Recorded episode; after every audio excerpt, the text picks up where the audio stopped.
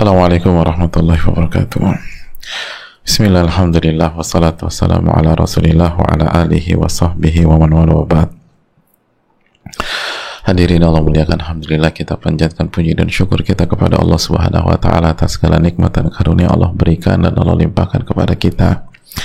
Sebagaimana salawat dan salam semoga senantiasa tercurahkan kepada junjungan kita Nabi kita Muhammadin alaihi salatu wassalam beserta para keluarga, para sahabat dan orang-orang yang istiqomah berjalan di bawah naungan sunnah beliau sampai hari kiamat kelak. Hadirin Allah muliakan, Alhamdulillah kita panjatkan puji dan syukur kita kepada Allah Subhanahu wa taala atas segala kenikmatan yang Allah berikan kepada kita. Di antaranya kita bisa bersua pada kesempatan kali ini. Jamaah yang Allah muliakan, ma min ayyam al-amalu salihu fihinna ahabbu ila Allah min hadhil ayyam tidak ada satupun hari di mana amal soleh lebih Allah cintai dibanding amal soleh yang dikerjakan di 10 hari pertama di bulan Dhul Hijjah dan berbicara 10 hari pertama di bulan Dhul Hijjah maka salah satu prima donanya yang nggak bisa kita lepaskan adalah ibadah haji. Adalah ibadah haji. Itu adalah prima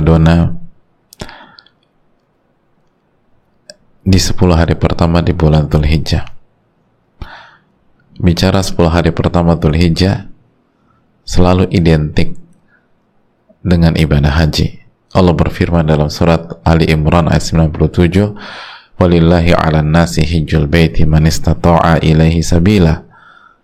Dan salah satu hak Allah yang harus ditunaikan oleh manusia adalah melaksanakan ibadah haji ke tanah suci ke Baitullah bagi yang mampu melakukan perjalanan menuju Ka'bah. Hadirin Allah muliakan. Oleh karena itu, uh, pada kesempatan kali ini dan eh, hari-hari uh, ke depan dalam suasana 10 hari pertama Dhul Hijjah ini, insya Allah kita akan berbicara beberapa hal tentang ibadah haji dengan segala keterbatasan, segala kekurangan kita dan semoga Allah tolong dan berikan taufik kepada kita. Semangat kita untuk naik haji itu semakin besar. Semangat untuk menunaikan kewajiban beribadah haji harus semakin tinggi. Bagaimana tidak? Dengan tidak ada uh, kloter dari tanah air maka terjadi uh, artinya uh, antrian itu semakin panjang jamaah sekalian. Antrian semakin panjang. Dan kalau kita tidak start sedini mungkin lalu pertanyaan simpelnya sampai kapan kita mau berangkat jadi seharusnya kondisi seperti ini semakin membuat cambuk kita untuk bertekad untuk mengerjakan ibadah haji. Semakin mengazamkan, semakin membulatkan tekad untuk bisa berangkat ke sana. Dan inilah menariknya ibadah haji. Ibadah haji beda dengan sholat duha, beda dengan sholat tahajud, beda dengan uh, sholat subuh dan lain sebagainya. Ada orang yang pernah sholat terus kita nasihatin anda harus sholat sholat itu, sholat itu wajib. Maka setelah dinasehati atau setelah kajian tentang sholat dia bisa ambil air wudhu lalu dia sholat empat rakaat sholat isya pada malam ini. Atau orang nggak pernah sholat tahajud lalu kita nasihat anda harus sholat uh, sholat tahajud itu penting. Sebaik-baik sholat setelah sholat lima waktu atau sholat wajib adalah sholat malam lalu dia dapat hidayah dan dia bisa sholat pada malam hari ini. Tapi haji kan tidak. Haji tidak. Kita bicara kita bicara tentang haji. Kita nasihati orang untuk berangkat haji. Lalu Allah kasih hidayah. Dia akhirnya ingin naik haji. Apakah semua orang yang ingin naik haji dan punya tekad untuk menunaikan kewajiban haji bisa langsung berangkat? enggak. Tahun ini jelas nggak mungkin kalau dari Indonesia secara normal kita tahu nggak bisa besok eh, tahun depan Allah taala alam kalau kita nggak bulatkan tekad untuk mendaftar. Lalu kapan kita mau berangkat? Ila ya Allah. Kecuali kalau Allah mudahkan, Allah kasih taufik. Kita ada di bulan haji. Kita ada di suasana haji. Tanggal 5 dan atau malam 6 Dhul Hijjah. Ini kalau kondisi normal hadirin, suasana Mekah itu luar biasa. Kalau kondisi normal,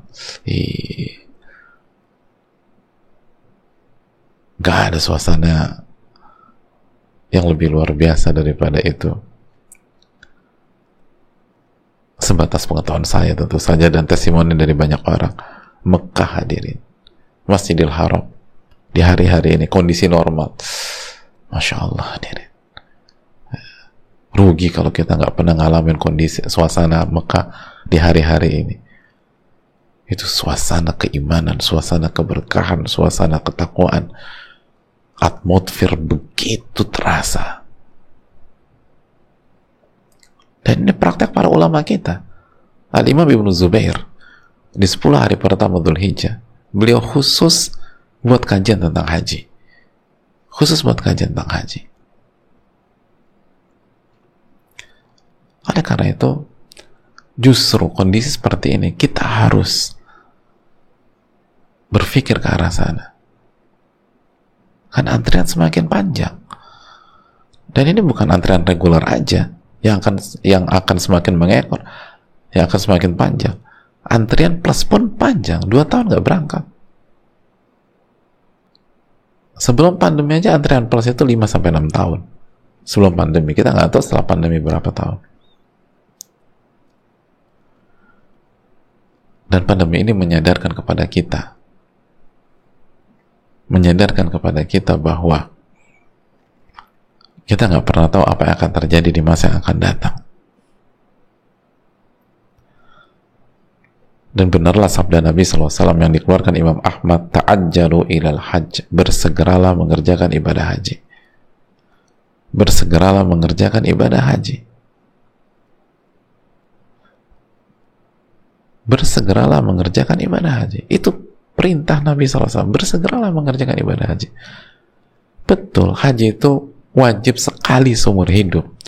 Tapi Nabi SAW mengatakan ta'ajjalu ilal haji, bersegeralah mengerjakan ibadah haji. Kenapa? Fa inna ahadakum la yadri ma ya'ridu lahu. Karena salah seorang dari kalian gak pernah tahu apa yang akan terjadi dengan dia di masa yang akan datang. Kita gak pernah tahu. Siapa yang pernah menduga pandemi membuat haji itu libur dua tahun? Gak ada yang pernah menduga sama sekali. Gak ada yang pernah menduga. Betapa banyak saudara-saudara kita atau orang-orang yang schedule berangkatnya tahun lalu akhirnya nggak berangkat lalu meninggal di masa pandemi ini rahimahumullah semoga Allah merahmati mereka semoga Allah merahmati kita semua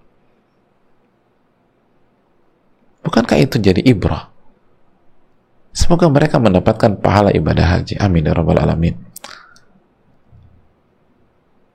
Kita doakan mereka dapat pahala, tetap dapat pahala ibadah haji. Tapi di sisi kita, khususnya kita yang belum daftar, kita yang belum kepikiran, kita masih mikir A, mikir B, mikir C, mikir D. Tidakkah ini jadi ibrah buat kita hadirin? Mau kapan berangkat? Sedangkan Nabi kita selalu mengatakan ta'ajjalu ilal hajj. Bersegeralah mengerjakan ibadah haji. Yang wajib tunaikan. Fa inna ahadakum la yadri ma ya'ridulah karena salah seorang kan nggak pernah tahu apa yang akan terjadi dengan dirinya di masa yang akan datang. Betapa banyak orang nunda nunda nunda nunda lalu ketika dia pengen berangkat pandemi lalu meninggal Semoga Allah memaafkan kita semua. Tentu saya nggak semua kasus demikian. Seperti yang tadi, ada yang udah nabung bertahun-tahun dan schedule-nya tahun lalu. Lalu dalam masyafal di antaranya meninggal. Ada karena COVID atau karena hal yang lain. Semoga mereka mendapatkan pahala ibadah haji. Amin ya rabbal alamin. Tapi ini ibroh, ini pelajaran besar bagi kita. Khususnya kita yang menunda dengan alasan haji itu sekali seumur hidup. Nanti aja lah. Sekali seumur hidup. Tapi Nabi juga bersabda ta'ajjalu ilal hajj. Bersegeralah mengerjakan ibadah haji. Hadirin Allah muliakan. Maka ini momentum untuk merencanakan untuk berniat, untuk bertekad kenapa demikian jamaah? karena ulama mengatakan bahwa langkah pertama naik haji itu apa sih hadirin? Langkah pertama untuk bisa naik haji itu apa? Sebagian para ulama menjelaskan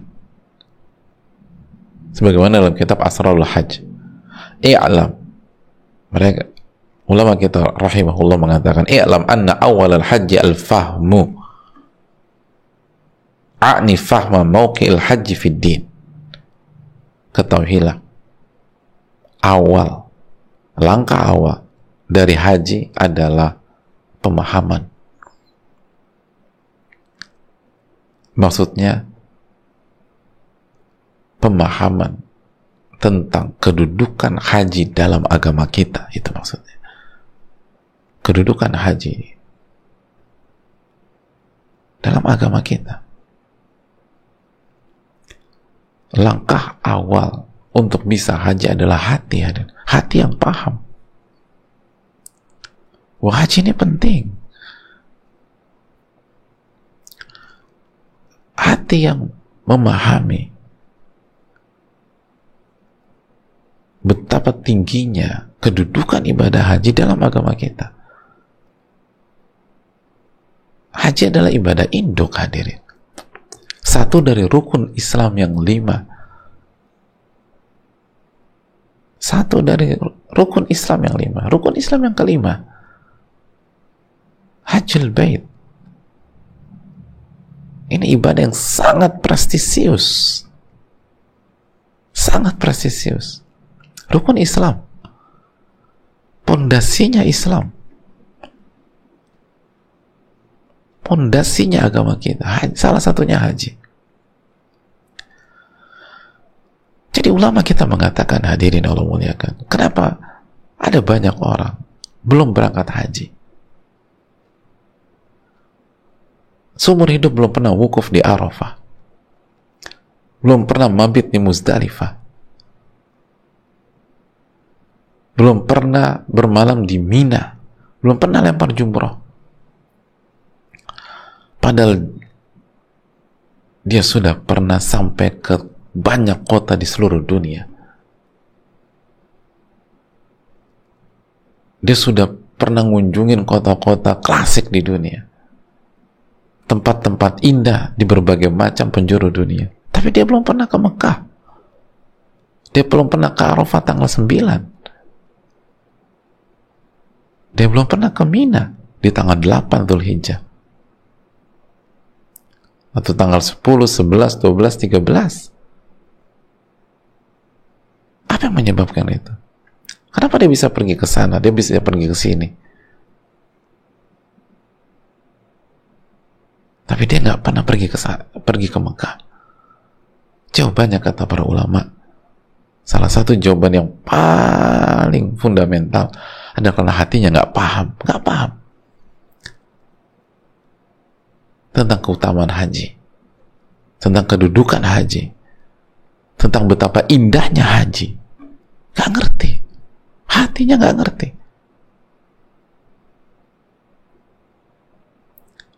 Makanya Allah mengatakan, kalau saja mereka tahu betapa nikmatnya ibadah haji, betapa indahnya haji, betapa bernilainya ibadah haji, betapa tingginya kedudukan haji, maka mereka akan berangkat ke sana. Bahkan Allah mengatakan nanti kita akan bahas ayatnya, insya Allah orang tuh akan jalan kaki ke haji, jalan kaki ke Mekah coba. Kalau benar-benar ngerti,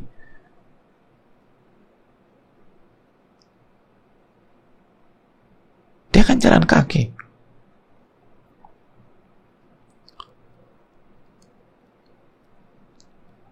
Dia akan naik ontak jamaah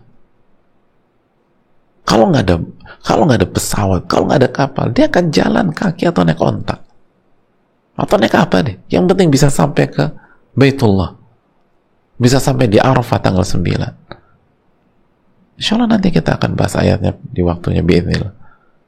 Tapi kenapa dia nggak ke sana? Tapi dia bisa ke dia bisa ke Eropa, dia bisa ke Amerika Latin, bahkan dia bisa ke Afrika.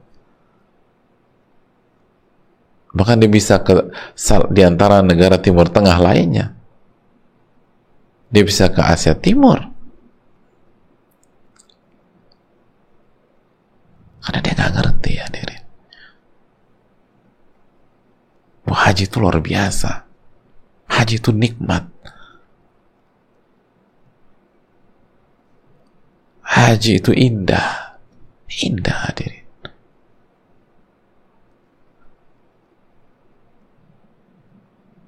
Haji itu indah. Kata para ulama, sebagai contoh ulama Al-Imam Ahmad bin Abdul Habib mengatakan tentang suasana di Arafah pada saat wukuf. Kata beliau, fima makna. Semua orang mengerti, memahami, yang udah pernah ke sana dengan jujur dan ikhlas. Bagaimana suasana wukuf di Arafah, keberkahannya, cahayanya, keindahannya, itu nggak bisa dilukiskan dengan kata-kata Gak bisa dilukiskan dengan kata-kata. Anda harus datang ke sana, harus nikmatin sendiri. Bagaimana indahnya berdoa di, pada saat wukuf di Arafah. Bagaimana indahnya bermunajat kepada Allah pada tanggal 9 di Arafah. Bagaimana nikmatnya meneteskan air mata pada saat wukuf itu nggak bisa dibayangkan hadir, nggak bisa dilukiskan, nggak bisa digambarkan. Anda harus datang ke sana kita harus ngerasain sendiri. Ulama mengatakan nggak ada perbedaan para ulama. Semua orang ngerti itu. Yang pernah datang ke sana. Kalau anda nggak datang, lalu kita nggak datang, padahal kita mampu. Karena ditunda lagi, ditunda lagi, ditunda lagi, ditunda lagi, akhirnya jatuh sakit. Ditunda lagi, ditunda lagi, ditunda lagi, akhirnya ada masalah. Ditunda bangkrut, kita nggak pernah tahu uang kita sampai kapan. Ini masalah hati Anda nggak ngerti itu masalah. Makanya kita harus belajar hadirin. Orang tuh kadang nggak tahu kenikmatannya, keindahannya. Aduh, ini ibadah luar biasa jamaah. Luar biasa. Luar biasa. Gak bisa dilukiskan dengan kata-kata.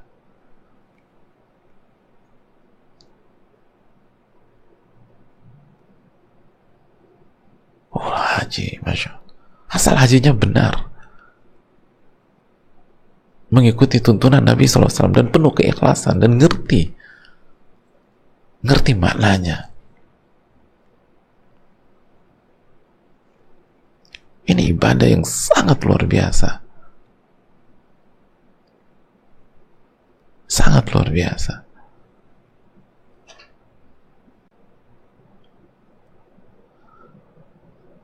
Bahkan kita tahu orang-orang tua kita dan masih sampai hari ini.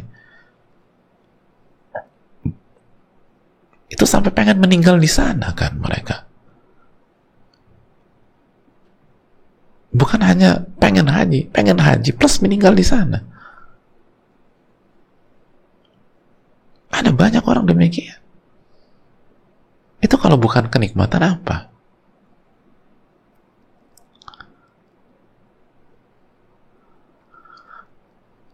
tapi nggak ngerti. Dipikir kota lain lebih bagus daripada di sana. Dipikir pemandangan di sebuah negara itu lebih indah daripada Arafah, Mina, Musdalifah di hari-hari haji. Oh enggak, hadirin. Enggak ada yang lebih nikmat dari haji.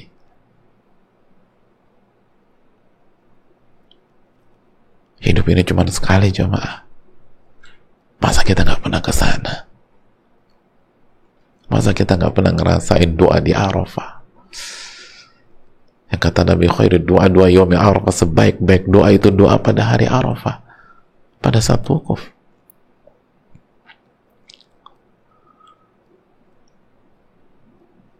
Masa kita nggak pengen dapetin momentum doa terbaik di dunia seumur hidup kita?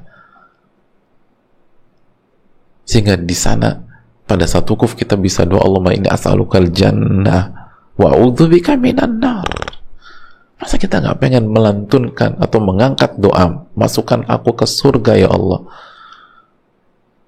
Dan lindungi aku dari neraka ya Allah. Kita panjatkan di Arafah pada saat wukuf. Masa mana ada orang beriman nggak pengen demikian? Itu doa terbaik di sana. Sebaik-baik doa itu di sana kata Nabi SAW masa kita nggak pengen doakan anak-anak kita di sana jamaah? Masa kita nggak pengen doakan pasangan kita istri kita suami kita itu di sana? Masa kita nggak pengen doakan orang tua kita? Orang tua kita hadirin. Di antara kita ada orang tua kita udah meninggal dunia. Ada yang orang tuanya baru meninggal karena covid. Ada yang baru meninggal kemarin. Dua hari yang lalu. Seminggu yang lalu, sebulan yang lalu. Masa kita nggak pengen doa Robik firli wali wali daya warhamku maka marobaini salgira di Arafah tanggal 9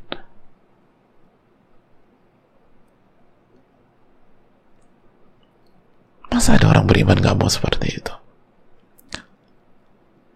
Suasana luar biasa jamaah. Wih, indah. indah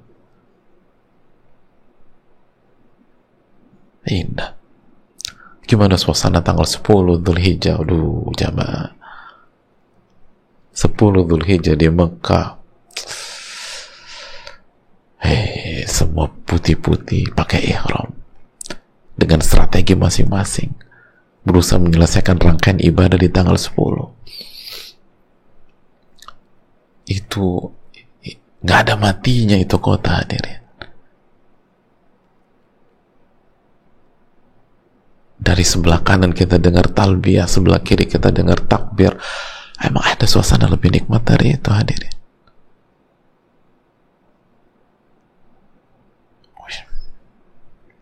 Itu luar biasa.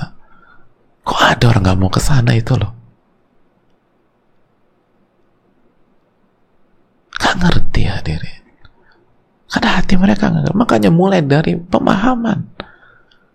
Hati ini harus ke sana dan kita harus kaji.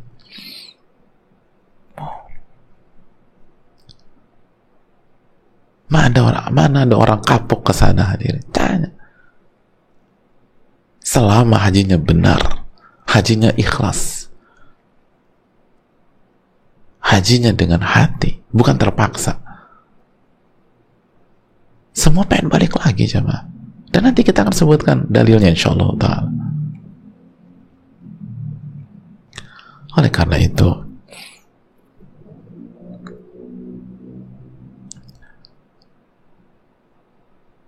kita harus belajar. Kita harus tahu apa keutamaan, apa keindahan, apa kenikmatan mengerjakan ibadah haji. Kenapa orang berbondong-bondong ke sana? Kenapa orang rela ngantri 30 tahun untuk ke sana? Apa kita nggak kepo ya? Kenapa kok bisa 45 tahun orang ngantri 45 tahun hadirin? Masa nggak ada sesuatu di sana?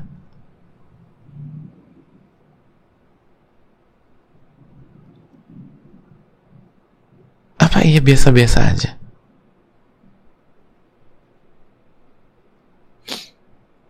Di masa pandemi ini, di masa pandemi ini, ada banyak tempat-tempat bagus. Selama kita punya fulus, besok kita berangkat bisa. Punya visa misalnya. Visanya masih ada, masih hidup. Minggu depan kita berangkat, insya Allah bisa. Tapi haji nggak bisa hadirin. Nggak bisa. Anda harus ngantri.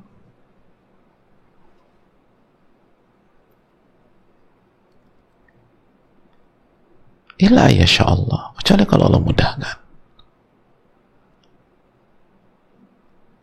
Ini ibadah yang sangat prestisius. Mari kita belajar dengan segala keterbatasan kita insya Allah di majelis-majelis berikutnya kita akan jelaskan tentang keindahan dan keutamaan haji insya Allah ta'ala. Dan semoga Allah memberikan taufik kepada kita untuk punya niat berangkat ke sana. Semoga Allah memberikan taufik agar kita bisa wukuf di Arafah. Bisa mabit di Musdalifah. Bisa tawaf ifadah. Bisa sa'i haji. Kita bisa doakan orang tua kita di Arafah. Kita bisa minta surga di sana sebagaimana kita berdoa terus di sini. Ini bisa disampaikan semoga bermanfaat. Wassalamualaikum warahmatullahi Muhammad wa ala alihi wa sahbihi ajma'in. Rabbana taqabbal minna. Dan terus maksimalkan ibadah di 10 hari ini. Subhanakallahumma wa bihamdika la ilaha illa anta astaghfiruka wa atubu ilaik. Assalamualaikum warahmatullahi wabarakatuh